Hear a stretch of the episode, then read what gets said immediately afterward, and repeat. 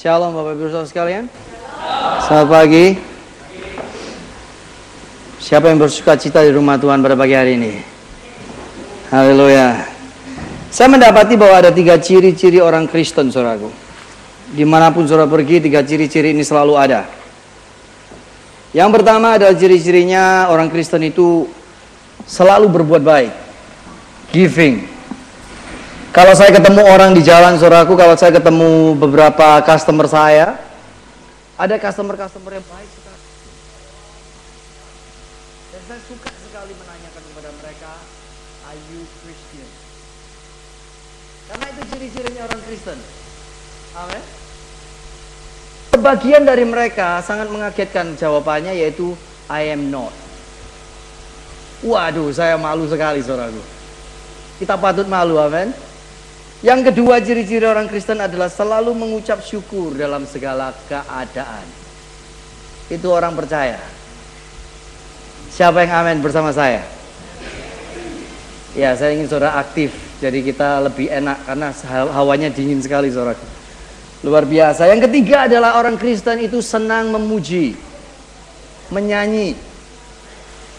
Di mana pun juga kita suka memuji Tuhan. Amin. Ada pujian saudara menyanyi. Indah sekali. Ada masalah masih nyanyi. Itu orang Kristen saudara. Ada masalah, ada badai datang masih nyanyi. Kalau orang dunia sudah nangis-nangis geru-geru. Termehek-mehek. Bahasa Jakarta. Tapi kita menyanyi saudaraku. Kita dalam pujian dan penyembahan. Bukan dibuat-buat. Tetapi itu memang dasarnya. Nature-nya orang percaya. Amin. Hari ini um, izinkan saya menyampaikan firman Tuhan. Karena seperti yang Om Santo katakan Bapak Gembala ada di rumah sakit. Dan saya mengunjungi kemarin bersama beberapa saudara dan saudari tempat ini. Dan dia dalam keadaan yang membaik puji Tuhan. Dia ada radang pernapasan. Dan dia SMS saya pada waktu Senin. Can you back me up? Saya bukan Om Agus saudaraku. Saya deg-degan juga saudaraku. Tetapi saya berdoa untung saat teduh. Kalau tidak saat teduh ya tidak bisa saudaraku menyampaikan firman Tuhan. Amin. Jadi tiga-tiga ciri-ciri utama orang Kristen ini satu berbuat baik. Saya tuh orangnya iseng saudaraku. Kalau di jalan misalnya ketemu orang saya tanya gitu ya. Ada orang yang mukanya itu ceria sekali. Senyum terus. Saya iseng, are you Christian?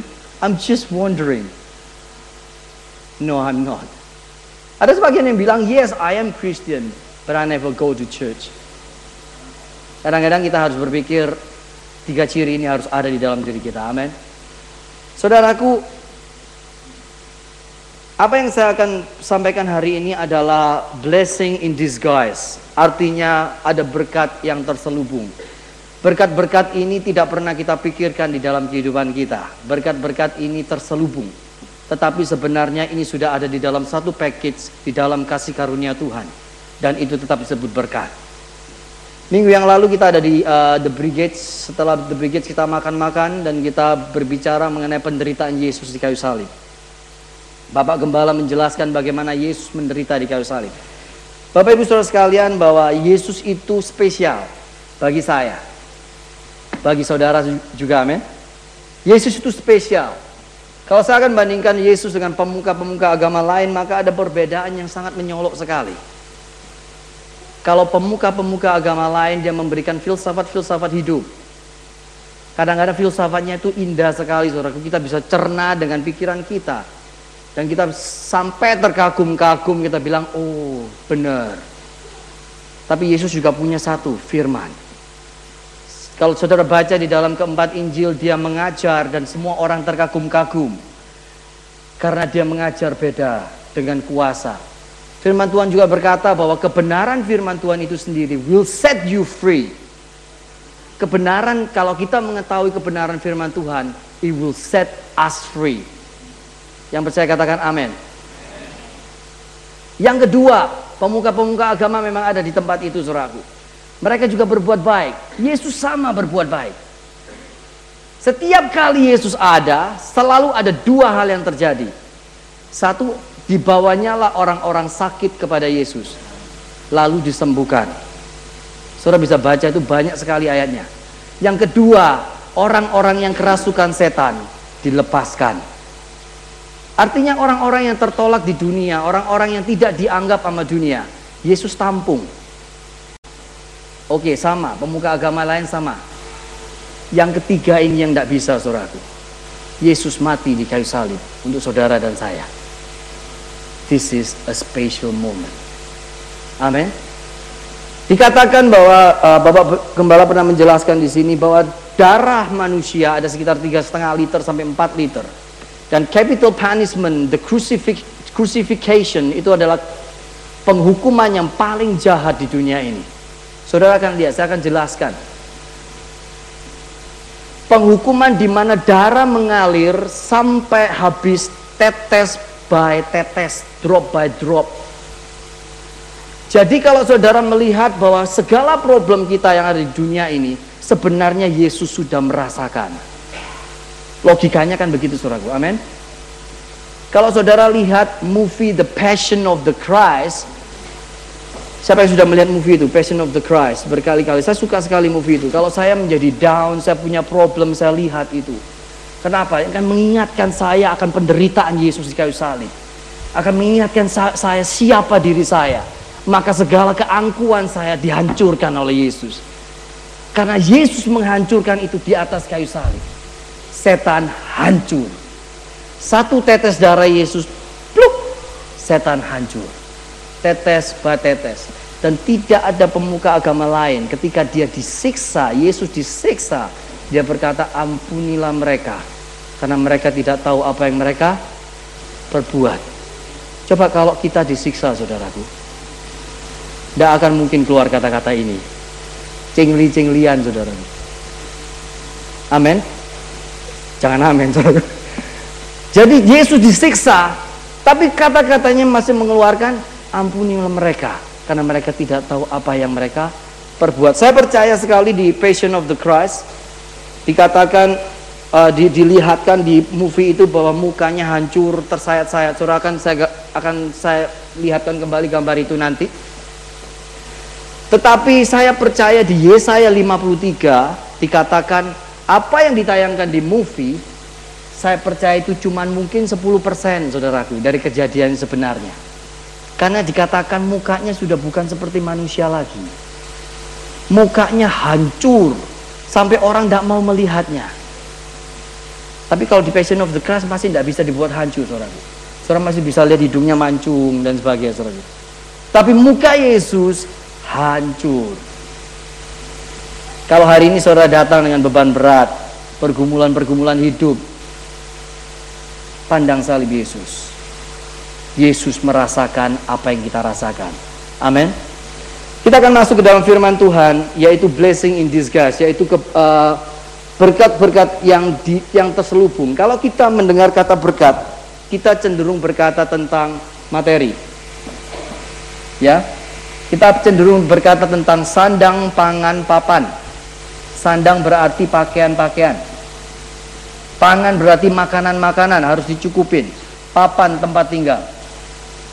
Kita akan selalu berbicara mengenai bagaimana Tuhan mempromosikan aku di dalam kerjaan. Bagaimana Tuhan memelihara aku dan kesehatan yang kuat, yang sehat. Bagaimana semua diberkati dan lancar-lancar saja. Itu pandangan kita mengenai berkat. Tetapi coba kita akan buka firman Tuhan hari ini. Ada berkat yang terselubung yang kadang-kadang kita nggak melihatnya. Seperti ada kain. Blessing in disguise. Tetapi itu berkat. Sudah ada di package-nya namanya kasih karunia. Kita akan buka Roma pasal 5.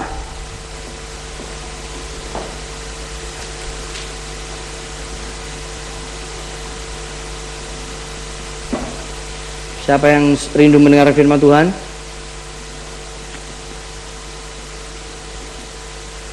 Saudara bisa melihat ya Roma pasal 5 saya akan bacakan. Ada tiga poin hari ini.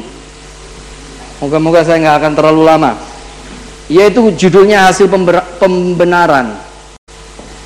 Saya akan baca ayat 1 sampai ayat 5. Atau kita akan baca sama-sama ya saudaraku ya. Kita baca sama-sama ayat 1.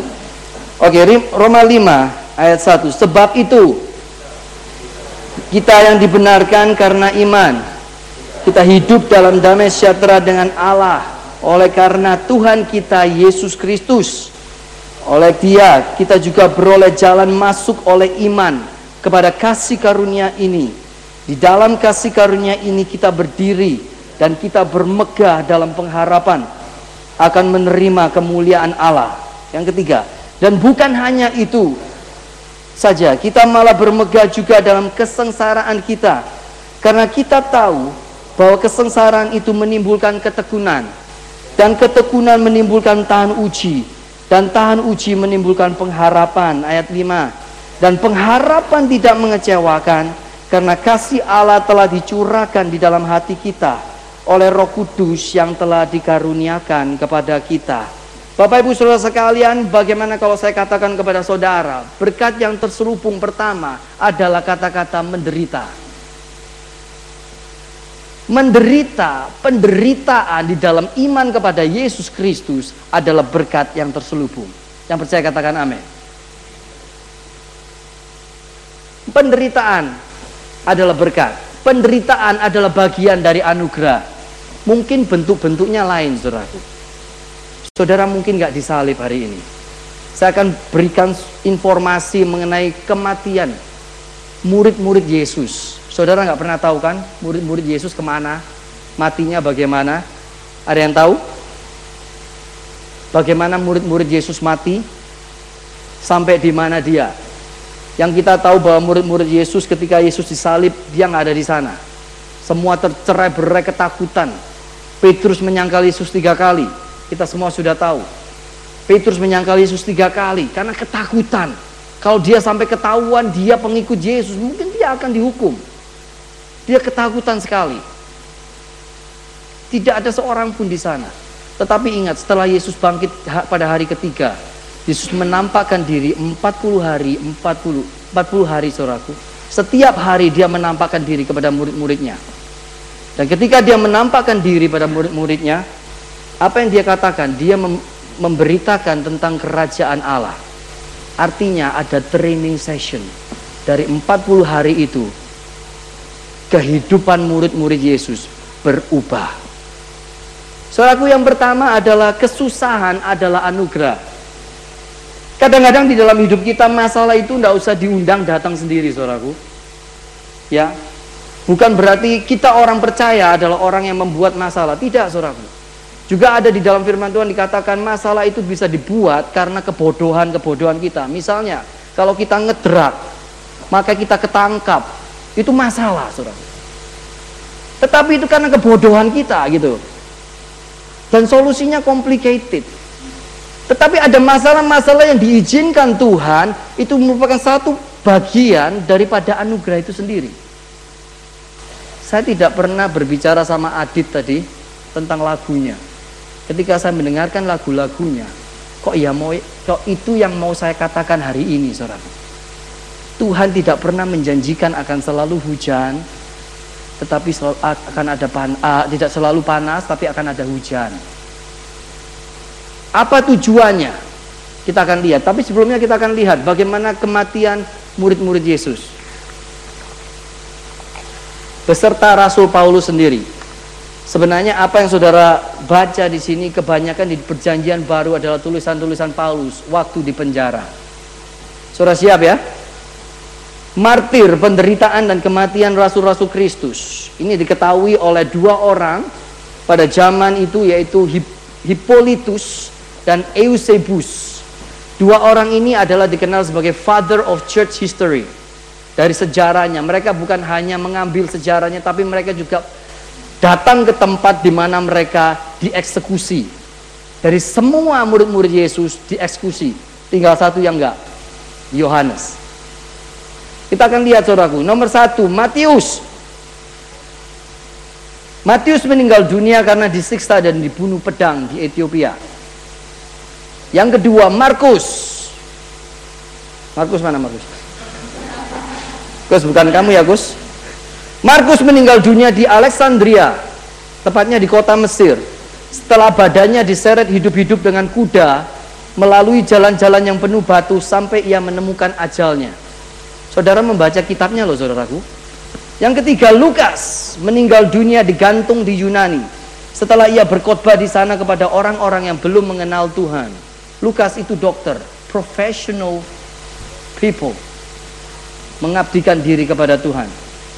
Yang keempat Yohanes sempat digoreng di bak minyak mendidih di Roma. Tetapi karena Tuhan masih ingin memakai Yohanes lebih lanjut, maka keajaiban terjadi sehingga walaupun ia telah digoreng hidup-hidup, ia bisa terus hidup. Tetapi akhirnya ia dibuang dan diasingkan ke pulau Patmos untuk kerja paksa di tambang batu bara.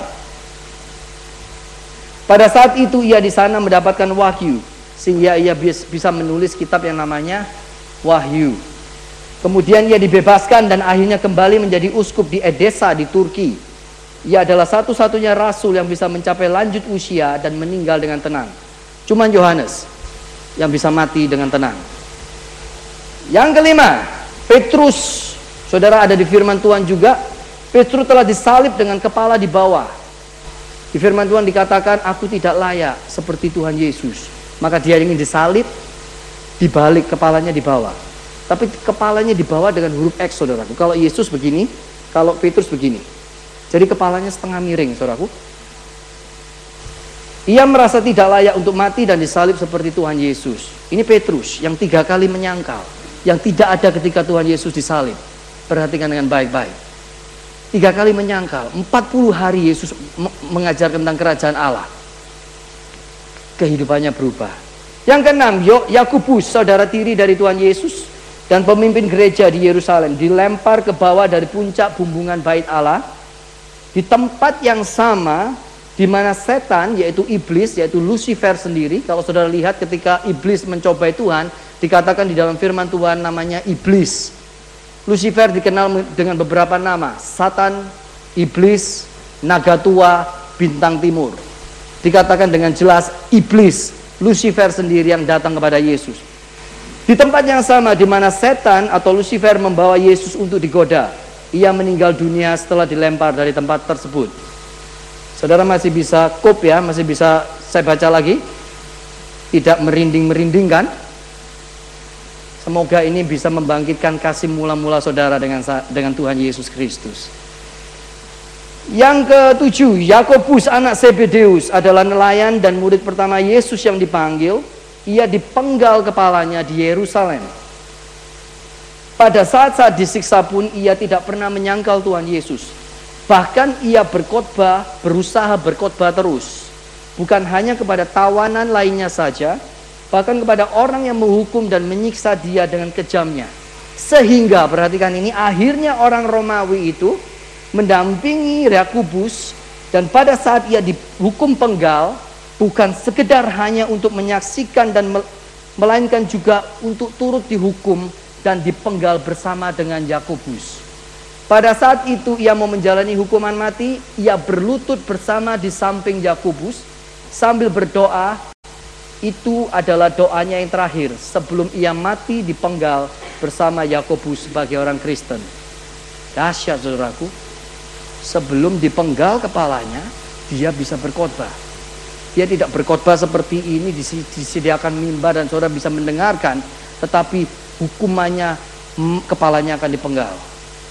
Luar biasa. Yang kedelapan Bartolomeus yang lebih dikenal sebagai nama Nathanael yang menjadi misionaris di Asia. Antara lain ia memberikan kesaksian di Turki ia meninggal dunia di kota namanya Armenia setelah ia mendapat hukuman cambuk sehingga semua kulitnya menjadi hancur dan terlepas. Bartolomeus penyiksaannya hampir sama dengan Tuhan Yesus. Dicambuk, kulitnya lepas. Yang sembilan Andreas juga disalib seperti Petrus dengan cara X di Yunani. Sebelum meninggal ia disiksa dengan hukuman cambuk tujuh tentara dan diikat di salib. Dengan cara demikian mereka bisa memperpanjang masa sakit dan masa siksaannya. Seorang pengikut Andreas yang turut menyaksikan hukuman Andreas menceritakan perkataan yang diucapkan oleh Andreas sebelum meninggal dunia. Ini yang dikatakan Andreas sebelum dia meninggal dunia. Ternyata keinginan dan cita-cita saya bisa terkabul di mana saya bisa turut merasakan saat-saat disiksa dan disalib bersama Yesus. Oh dahsyat saudaraku. Udah mau mati, disiksa, hanya gara-gara Injil. Dulu belum ada kitab-kitab begini bukan? Tapi mereka mau melakukan itu. Dan mereka masih bisa mengatakan ini happy hours for me. Yang ke-10 Thomas. Yang ketika Yesus menampakkan diri kepada murid-muridnya, Thomas belum. Delapan hari sesudahnya, Yesus menampakkan diri kepada Thomas. Karena ketika murid-murid berkata, Ih, Yesus menampakkan diri loh. Apa yang, apa yang Thomas katakan? Gak percaya aku Yesus sudah mati. Kalau aku mencocokkan jariku maka aku percaya. Ini Thomas. Saudaraku. Lalu pada hari ke-8 Yesus menampakkan diri kepada Thomas. Thomas dilempar ke dalam perapian. Tetapi karena masih tetap hidup ia dihujani dengan tombak hingga mati. Dia mati di India. Matias yang menggantikan Yudas Iskariot. Saudara tahu digantikan dengan apa? Dengan coin flip. Dia menggantikan tempat Yudas Iskariot. Yaitu pengganti Yudas Iskariot dihukum rajam dan akhirnya dipenggal kepalanya. Yang terakhir Paulus disiksa dengan sangat kejam dan akhirnya dipenggal kepalanya oleh Kaisar Nero di Roma. Rasul Paulus adalah rasul yang paling lama mengalami masa siksaan di penjara dan kebanyakan suratnya dibuatnya dikirim dari penjara. Haleluya. Semoga informasi ini bisa menggugah hati kita untuk kita lebih sungguh-sungguh kepada Tuhan. Haleluya. Yang mau yang mau katakan amin bersama saya katakan amin. Saya tidak ingin membuat saudara gemetar, mimpi buruk ntar malam. Nanti kalau ntar malam mimpi buruk, bahaya saudaraku. Mari kita buka Filipi 3 ayat 10 ayat 11. Ini yang dikatakan Rasul Paulus 10 dan 11. Filipi 3, 10 dan 11. Rasul yang begitu luar biasa, saudaraku. Dia berkata gini, ayat 10, sudah ya. Yang ku kendaki ialah mengenal dia dan kuasa kebangkitannya dan persekutuan dalam penderitaannya, di mana aku menjadi serupa dengan dia dalam kematiannya, supaya aku akhirnya beroleh kebangkitan dari antara orang mati. Sekali lagi, yang ku kehendaki ialah mengenal dia dan kuasa kebangkitannya dan persekutuan dalam penderitaannya.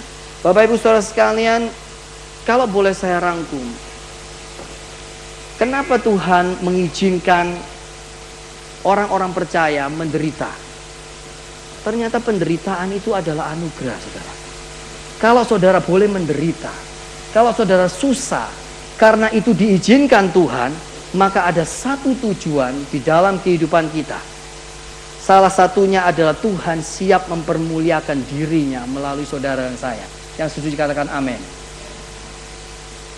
Waktu kita menghadapi masalah, kita tidak akan pernah tahu jalan keluarnya. Kita nggak akan pernah tahu end of story-nya. Tetapi yakinlah bahwa itu termasuk di dalam anugerah Tuhan. Bukan masalah yang dibuat-buat ya saudaraku. Bukan masalah karena kebodohan kita. Itu lain cerita. Tetapi yakinlah. Kalau saya bilang, oke okay, kita nggak usah muluk-muluk tentang kematian rasul-rasul, kita kan nggak di, kita kan nggak disalib, kita kan hidup tenang. Kita kan nggak seperti mereka mati, kita kan nggak mengabarkan Injil itu kan tugas mereka misalnya. Atau saudara mungkin bilang kepada saya, itu kan karunianya beda-beda. Ada orang Kristen mengatakan demikian saudaraku, martir itu karunia berbeda-beda. Tapi mau saya ambil satu prinsip saudaraku. Apa pun bentuknya penderitaan itu, saya ambil satu prinsip. Rasul-rasul menderita dan mau mati bagi Yesus hanya dengan satu prinsip. Mereka mengasihi Yesus sampai titik darah penghabisan. Prinsipnya itu, bukan? Bentuknya mereka disalib, dirajam, dan sebagainya. Kalau memang itu bukan relevan bagi kita, saya akan lower standarnya lebih lebih rendah lagi bukan cuma titik darah penghabisan, tetapi apakah saudara dan saya sungguh-sungguh mengasihi Tuhan? Wah susah mengasihi Tuhan. Kita kan masih hidup di dalam darah dan daging. Tidak mungkin sambil contoh. Tuhan berkata ampuni orang itu 70 kali 7 satu hari. Bukan cuma 7 kali, 70 kali 7. Ini mustahil saudara. Di dalam human nature kita ini sudah tidak mungkin prinsip seperti ini. Jujur-jujuran ya saudaraku. Kita mengampuni orang yang bersalah karena perkataan sekali saja bisa diingat-ingat sampai 2-3 tahun saudaraku.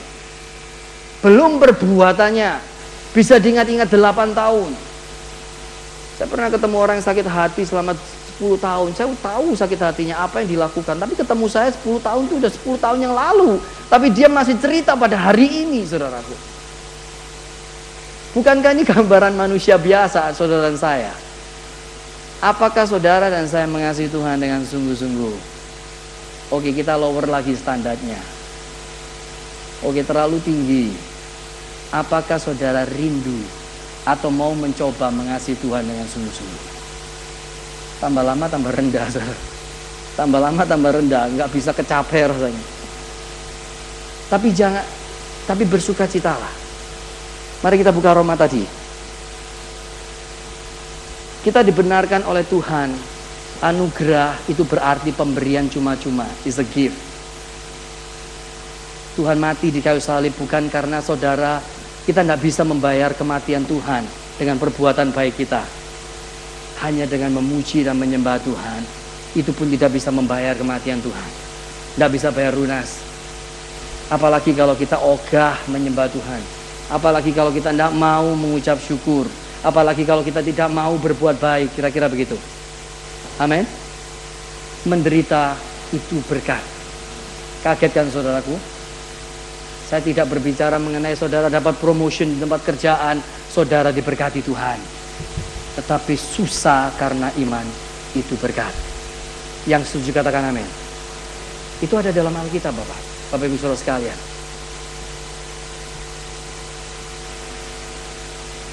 Apakah saudara rindu untuk mengasihi Tuhan dengan sungguh-sungguh? Saya, saya kasih contoh saudaraku. Kalau kita rindu mengasihi Tuhan dengan sungguh-sungguh, kita mau mengasihi Tuhan dengan sungguh-sungguh, ada yang menderita saudaraku. Yang menderita daging kita.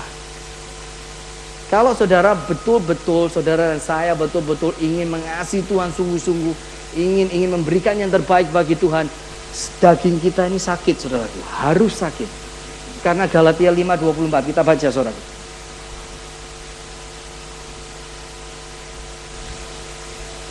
Saya tahu uh, banyak dari Bapak Ibu Saudara sekalian yang sakit ya. Dan uh, banyak sekali dari anak-anak juga Galatia 5 ayat 24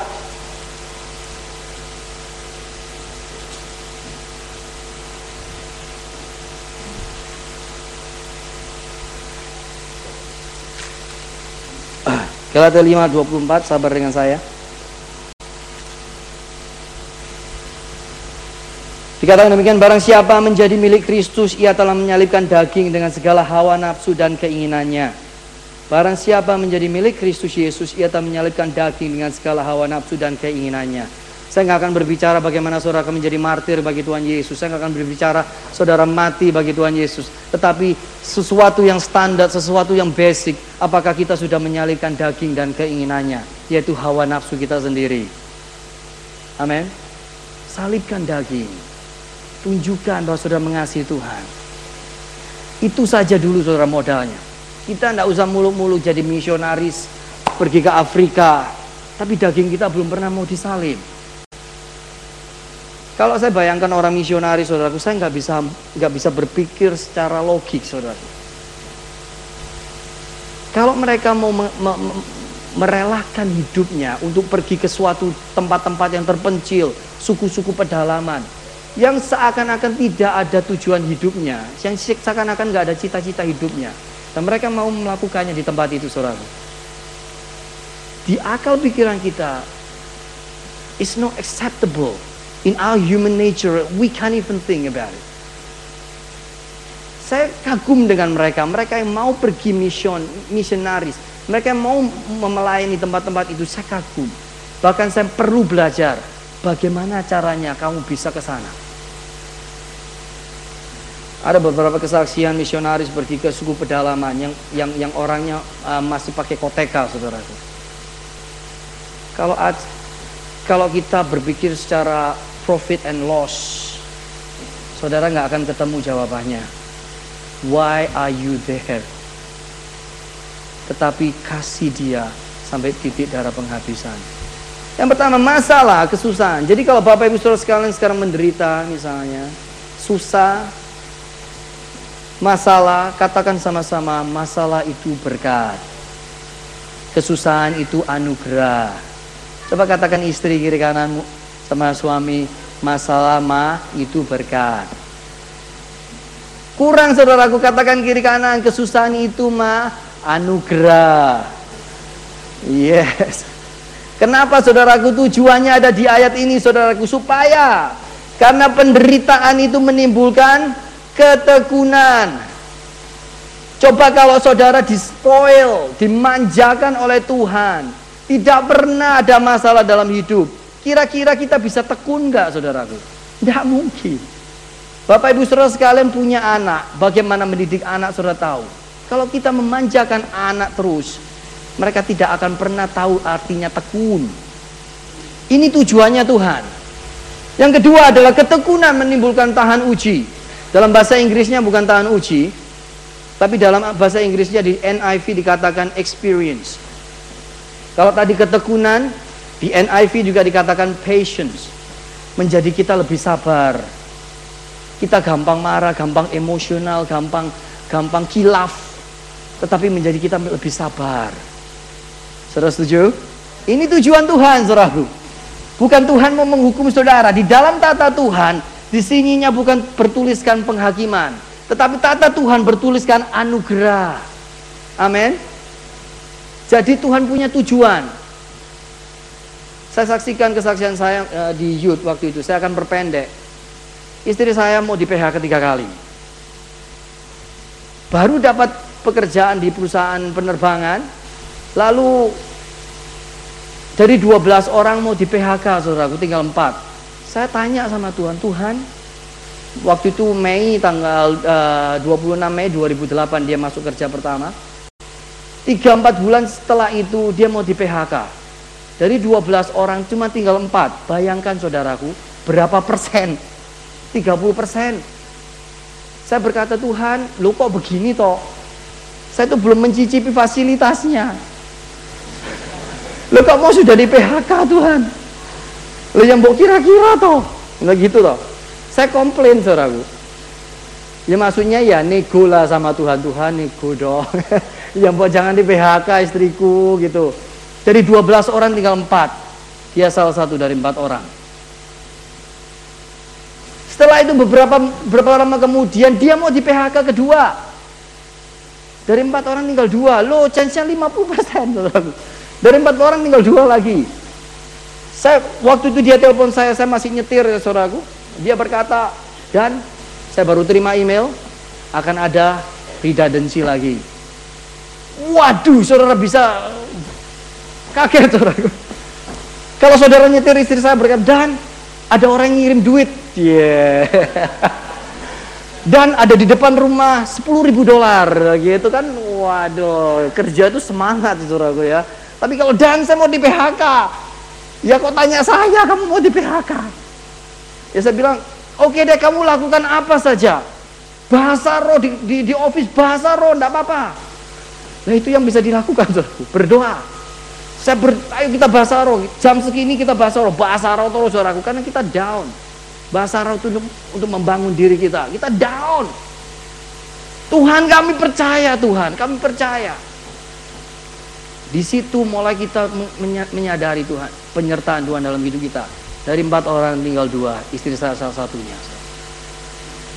Singkat cerita, setelah anak saya yang kedua, Caitlin lahir, beberapa hari setelah dari hospital pulang ke rumah, kita lagi lagi senang-senang punya baby saudaraku, dapat telepon saudaraku, karena dia udah maternity leave.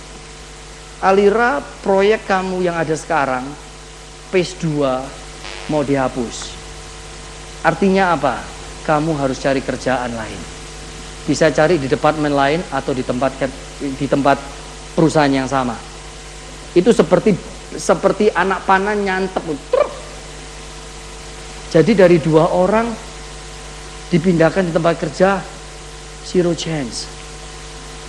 Di situ kami bergumul, Tuhan, Aku percaya. Karena saya sudah mengalami yang pertama mau DPHK pertama jadi kuat, yang kedua jadi kuat, yang ketiga Tuhan baru anak yang yang kedua lahir. Saya bilang udah berdoa aja lah. It's out of our control. Saya berdoa sama dia, ayo berdoa. Dia berdoa, nangis dan sebagainya, saudaraku, apa pun bentuk doa itu. Gak lama kemudian mungkin sekitar berapa hari ya, dapat telepon. Ternyata dia punya temen yang yang yang yang ada di satu kantor itu dulu bekas manajer saudaraku. Sekarang mau diangkat manajer. Dan dia bilang, Alira, I want you to be in my team. Dan saya berkata, wow, tidak sampai satu minggu Tuhan memelihara umatnya. Berikan tepuk tangan untuk Yesus Tuhan. Bapak Ibu Saudara sekalian, sebelum saya mengerti apa maksud Tuhan, di akhir itu kehidupan kami masih belum selesai. Di akhir dari cerita itu kami mengetahui bahwa penderitaan menimbulkan ketekunan. Kalau kita santai-santai, kita dimanja Tuhan terus, maka saudara tidak akan pernah bisa belajar sabar. Saudara tidak akan pernah bisa mengerti maksud Tuhan di baliknya. Indah loh saudaraku. Kalau ada kesusahan, kita siap bersaksi sehingga orang-orang yang di sini bisa menyaksikan kemuliaan Tuhan melalui kita. Indah bukan? Lakukan. Not just a theory. Ketekunan menimbulkan tahan uji atau experience. Dari ketekunan-ketekunan saudara menjadi kuat. Tahan uji. Tahan uji menimbulkan pengharapan. Dan pengharapan yang tidak pernah dikecewa, eh, mengecewakan. Pengharapan artinya fokus. Kita nggak akan mungkin fokus hanya kepada Tuhan. Setiap hari Bapak Ibu Saudara sekalian mengharapkan sesuatu. Amin. Saudara mengharapkan yang Bapak Ibu mau punya cucu, ya mengharapkan yang yang nggak bisa punya punya anak. Setiap hari kita berdoa bergumul yang mengharapkan cari kerjaan seorang mengharapkan moga-moga besok saya dapat kerjaan. Yang mengharapkan uh, uh, uh, utang-utangnya dibayar besok moga-moga dibayar lunas. Ada harapan-harapan terjadi. Tetapi kesusahan itu ada prosesnya saudaraku. Saudara dilakukan demi kelakukan kadang-kadang saya berpikir udahlah kesusahan datang sendiri kita fokus melayani Tuhan. Kadang-kadang waktu kita fokus melayani Tuhan, kita tidak terasa kesusahan itu, saudara. Mungkin bill nggak bisa dibayar, mungkin bill, aduh billnya kok banyak ya. Setiap hari, setiap minggu, setiap bulan ada bill. Tetapi saudara fokus melayani Tuhan. Ada uang dibayar, saudaraku, untuk membayar itu. Mungkin saudara problemnya bukan masalah financial. Mungkin keluarga saudara berantakan. Mungkin anak-anak saudara nakal. Kita melayani Tuhan. Tuhan juga bekerja atas, atas problem kita. Amin. Jadi penderitaan, kesusahan adalah berkat. Tunjukkan senyum Bapak Ibu Saudara sekalian. Saya tahu banyak orang yang sakit tempat ini ya. Luar biasa. Yang kedua. So sebelum itu saudaraku, um, when God doesn't make sense, we start praising God. Saya punya moto waktu itu 2S. SS. Satu S, stop complaining, start praising. Amen. Stop complaining, but start praising. Apa untungnya kita complain? But start praising. 2S moto saya. Haleluya. Yang kedua, kita baca Ibrani 12 ayat 3. Ibrani 12 ayat 3 udah ya. Oke. Okay. Kita akan baca sama-sama sampai 11. Siap Bapak Ibu Saudara sekalian? Yang ketiga, ingatlah selalu akan dia yang tekun menanggung bantahan yang sehebat itu terhadap dirinya dari pihak orang-orang berdosa, supaya jangan kamu menjadi lemah dan putus asa. Dalam pergumulan kamu melawan dosa, kamu belum mencucurkan, belum sampai mencucurkan darah. It is relevant for us. Kita belum pernah mencucurkan darah. Yang kelima, dan sudah lupakah kamu akan nasihat yang berbicara kepada kamu seperti kepada anak-anak? Hai anakku, janganlah anggap enteng didikan Tuhan dan janganlah putus asa apabila engkau diperingatkannya. Karena Tuhan mengajar orang yang dikasihinya dan ia menyesal orang yang diakuinya sebagai anak. Tujuh, jika kamu harus menanggung ganjaran, Allah memperlakukan kamu seperti anak. Di manakah terdapat anak yang tidak dihajar oleh ayahnya? Delapan, tetapi jikalau kamu bebas dari ganjaran yang harus diderita setiap orang, maka kamu bukanlah anak, tetapi anak-anak gampang. Sembilan, selanjutnya dari ayah kita yang sebenarnya kita beroleh ganjaran dan mereka kita hormati. Kalau demikian bukankah kita harus lebih taat kepada Bapa segala roh supaya kita boleh hidup. 10.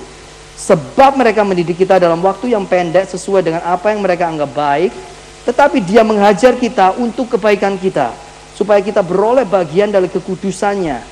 11. Memang tiap-tiap ganjaran pada waktu ia diberikan tidak mendatangkan sukacita, tetapi duka cita, tetapi kemudian yang menghasilkan buah kebenaran yang memberikan damai kepada semua yang dilatih olehnya. Puji Tuhan. Poin yang kedua, berkat Tuhan yang terselubung adalah didikan Tuhan. Kalau tadi masalah, sekarang ada didikan Tuhan dalam hidup kita, saudaraku. Saya punya anak yang nomor satu namanya Valerie, saudaraku, masih empat tahun. Masih balita, di bawah lima tahun. Suatu hari ketika ketika anak saya Caitlin yang kedua lahir, dia tuh bangga sekali punya adik gitu kira-kira. Lalu dia datang ke saya, Papa, Papa, Yes, I think I am a big sister. You don't think you are big sister. I'm Cece. Bangga dia. And I tell you something, Papa. I know everything. Waduh saudaraku, kalau anak 4 tahun kan lucu saudaraku ya, I know everything. Coba kalau 30 tahun, I know everything. I know everything, Papa. Lalu dia mulai mulai mulai bertindak seperti I know everything. Lari-lari, gubrak-gubrak. Valerie, what are you doing? Papa, I know everything. Lalu mulai lari-lari. Suatu saat dia ada di sofa, saudaraku. Habis nonton Wiggles, oh terbang-terbang di sofa. Oh, kita kan khawatir. Valerie, turun, saya bilang. Papa, I know everything. You don't have to tell me. Get off. Dia turun sendiri. Dia jalan, saudaraku. Suatu saat saya biarkan. Jatuh, saudaraku. Kubrak. Nangis. Nangis. Terus saya bilang, now you know everything. No. So, no one knows everything. Okay? Dia bilang. Okay. No one knows everything. So, listen to Papa. Saya ingin dia belajar yang namanya listen. Listen to Papa. Oke, suatu saat istri saya bingung kan sesuatu, saya lupa bingung apa saudaraku. Dia kelihatan uh, memikir, lalu anak saya yang Valerie tiba-tiba nyomot gini saudaraku sama istri saya. Mama, mama, don't worry, papa say we don't know everything. saya nggak tahu dia belajar dari Wiggles, ABC atau apa pun juga saya nggak ngerti saudaraku. Tapi ganjaran itu masuk kepada dia. Kalau nggak sampai jatuh, mungkin dia nggak akan nggak akan kapok, saudaraku. Bagaimana dengan kita? Ada banyak orang tidak mendengarkan nasihat-nasihat, nasihat firman Tuhan. Dibilang jangan ke sana, itu lumpur dosa, tetap saja ke sana, saudara. Kalau sudah jatuh, ketiban tangga, mulai nangis bertobat. Lambok dari pertama mendengarkan kan lebih enak. Ya toh? Luar biasa saudaraku. Tuhan mengajar kita untuk kebaikan kita seperti saudara katakan eh, seperti saudara baca tadi. Tujuannya mana tadi? Tujuannya ada di ayat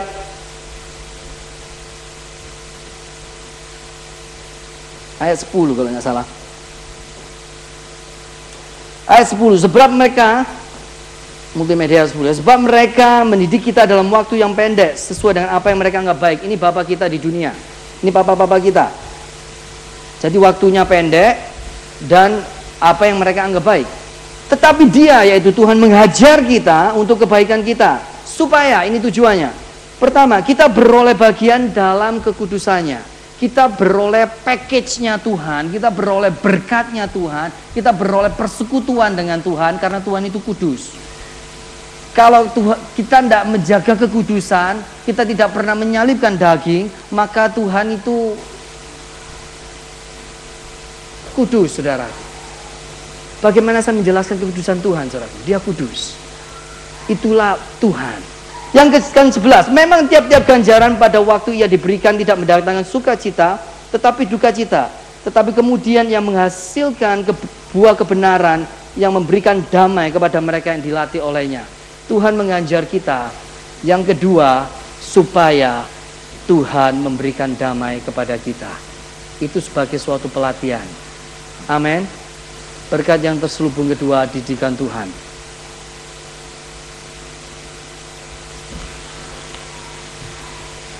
Kalau Tuhan mendidik kita, Tuhan punya tujuan Bapak Ibu Saudara sekalian. Kalau kita belum mendapat jawaban doa kita, Tuhan tahu waktu yang tepat untuk kita. Kita mungkin diajar belajar sabar saat ini. Oke, tiap-tiap ganjaran. Yang ketiga, kita baca ayat 12. Ibrani 12 ayat ketiga. Setelah ada masalah, ada didikan Tuhan, ini. Sebab itu kuatkanlah tangan yang lemah dan lutut yang goyah dan luruskanlah jalan bagi kakimu sehingga yang pincang jangan terpelecok tetapi menjadi sembuh. 14. Berusahalah hidup damai dengan semua orang dan kejarlah kekudusan. Sebab tanpa kekudusan tak seorang pun akan melihat Tuhan. Itu yang saya katakan tadi. Jagalah supaya jangan ada seorang yang menjauhkan diri dari kasih karunia Allah agar jangan tumbuh akar yang pahit dan menimbulkan kerusuhan yang mencemarkan banyak orang. 16. Janganlah ada orang yang menjadi cabul atau yang mempunyai nafsu yang rendah seperti Esau yang menjual hak kesulungannya untuk sepiring makanan. 17 sebab kamu tahu bahwa kemudian ketika ia hendak menerima berkat itu ia ditolak sebab ia tidak beroleh kesempatan untuk memperbaiki kesalahannya sekalipun ia mencarinya dengan mencucurkan air mata. Berkat yang ketiga adalah saudara sadarkah kita bahwa kita mempunyai teman-teman seimannya menguatkan kita teman-teman di kiri kanan saudara yang diizinkan Tuhan untuk kita kenalan saat ini. Pada waktu nanti kita di surga, kita akan tahu. Oh, Tante Acan, Om Ramli di sini. Kita akan kongko-kongko di surga, saudara. Kita nggak akan hidup di dunia ini selamanya, amin. Walaupun ada lagu forever yang tetap saja, saudara. Kita akan kita cuma mampir di dunia ini. Saya tidak sedang berbicara, saudara, cepat-cepat mati ndak. Cuman kita mampir ingat itu. Kiri kanan saudara diizinkan Tuhan untuk kita kenalan. Supaya yang kuat memberitahu yang lemah. Bukan datang dengan judgmental attitude saudaraku. Kamu sih lu berdosa sih salahmu sendiri sih goblok lu. Emangnya lu emang begitu lu turunanmu begitu dan sebagainya saudaraku. Udah Semuanya begitu. Enggak, saudaraku. Toleh kiri kanan. Katakan begini. Aku bersyukur bisa mengenal kamu. Jangan suami istri, saudaraku. Nanti suami istri nanti. Maunya suami istri terus. Toleh kiri kanan yang belum kenal, saudaraku katakan, aku bersyukur bisa mengenal kamu. Kita reuni di surga nanti. Yes. Nah gitu. Hargai satu sama lain. Sekarang suami istri. kalau suami istri senang. Aduh papa gitu ya. Katakan, papa aku bersyukur punya kamu gitu. Yang single berdoa ya. Berlutut berdoa luar biasa ya. Yang yang yang suami istri, papa gitu ya. Ayo saudaraku katakan, papa aku bersyukur punya kamu. Mama aku bersyukur punya kamu. Luar biasa. Romantis saudaraku. Ambil dua jempol katakan CLC surgaku.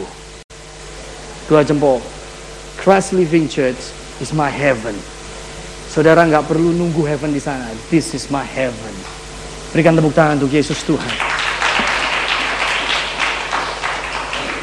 Yang kuat menghibur yang lemah. Kuatkan yang lemah. Supaya apa? Supaya mereka tidak jauh dari kasih karunia.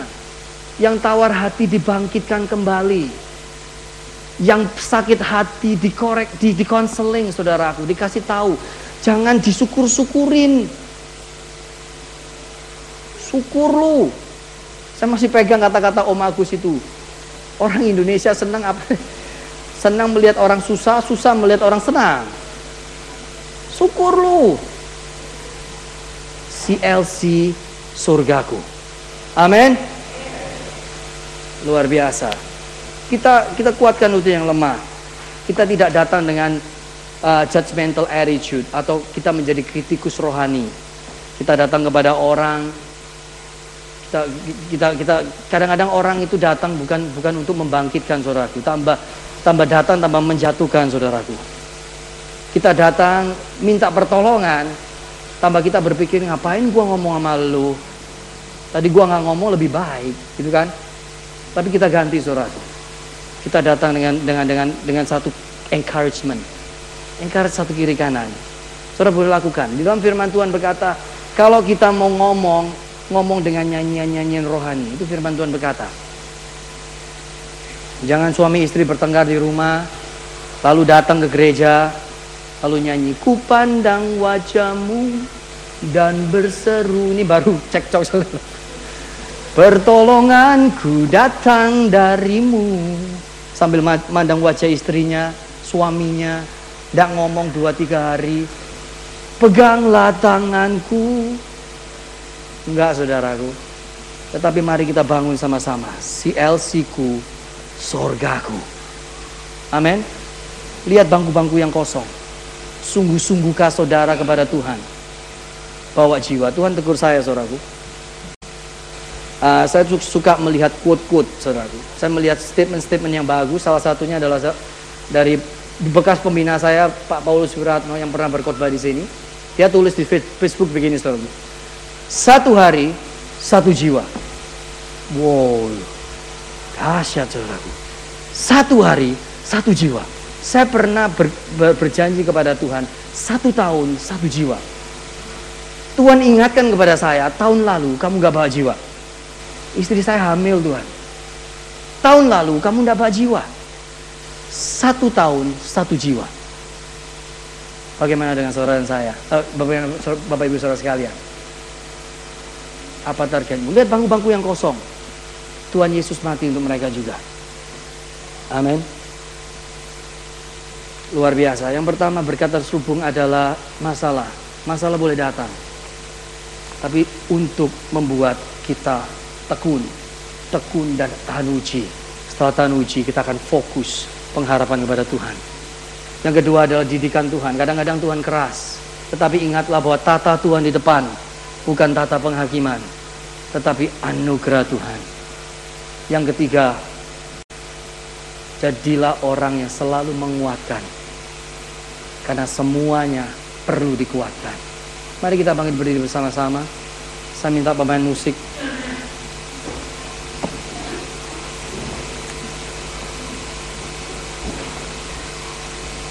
dan singer song leader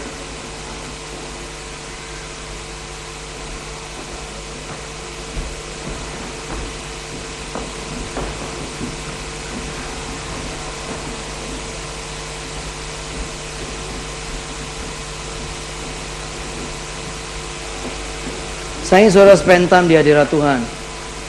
Kita akan belajar yang namanya pujian menyembah. Saya ingin saudara tidak melihat kiri dan kanan. Saya ingin gak, saya, saya nggak ingin saudara ikut-ikutan kiri dan kanan. Tapi saya ingin saudara berhubungan langsung dengan Tuhan pribadi lepas pribadi. Sambil bersama-sama dengan kami semua. Saya percaya di tempat ini ada hadirat Tuhan yang luar biasa. Sebelumnya saya akan bacakan Yesaya 53.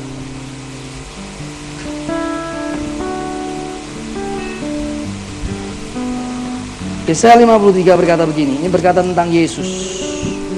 Saya ingin mengabarkan tentang Yesus. Tolong gambar Yesus di, di, ditayangkan ya. Saya ingin saudara mengingatkan kembali kan penderitaan Yesus di kayu salib. Siapakah yang percaya kepada berita yang kami dengar? Ayat 1. Dan kepada siapakah tangan berkekuasaan Tuhan dinyatakan? Sebagai taruk ia tumbuh di hadapan Tuhan dan sebagai tunas dari tanah kering ia tidak tampan dan semaraknya pun tidak ada sehingga kita memandang dia dan rupa pun tidak sehingga kita menginginkannya. Dia dihina dan dihindari orang, seorang yang penuh kesengsaraan dan yang biasa menderita kesakitan. Ia sangat dihina sehingga orang menutup mukanya terhadap dia dan bagi kita pun dia tidak masuk hitungan. Ayat 4, tetapi sesungguhnya penyakit kita lah yang ditanggungnya dan kesengsaraan kita yang dipikulnya. Padahal kita mengira dia kena tulah, dipukul dan ditindas Tuhan Allah Ayat 5, tetapi dia tertikam oleh karena pemberontakan kita. Dia diremukan oleh karena kejahatan kita. Ganjaran yang mendatangkan keselamatan bagi kita ditimpakan kepadanya. Dan oleh bilur-bilurnya kita menjadi sembuh. Ini Yesus, mari kita pejamkan mata sama-sama. Kalau engkau belum kenal Yesus saat ini, Yesus mengasihimu. Tuhan sayang kamu. Kalau engkau belum pernah mendengar nama Yesus dan belum pernah menerima Yesus, terima hari ini. He died for you. He died for you. If there is no one in this world love you, there is someone love you. And his name is Jesus.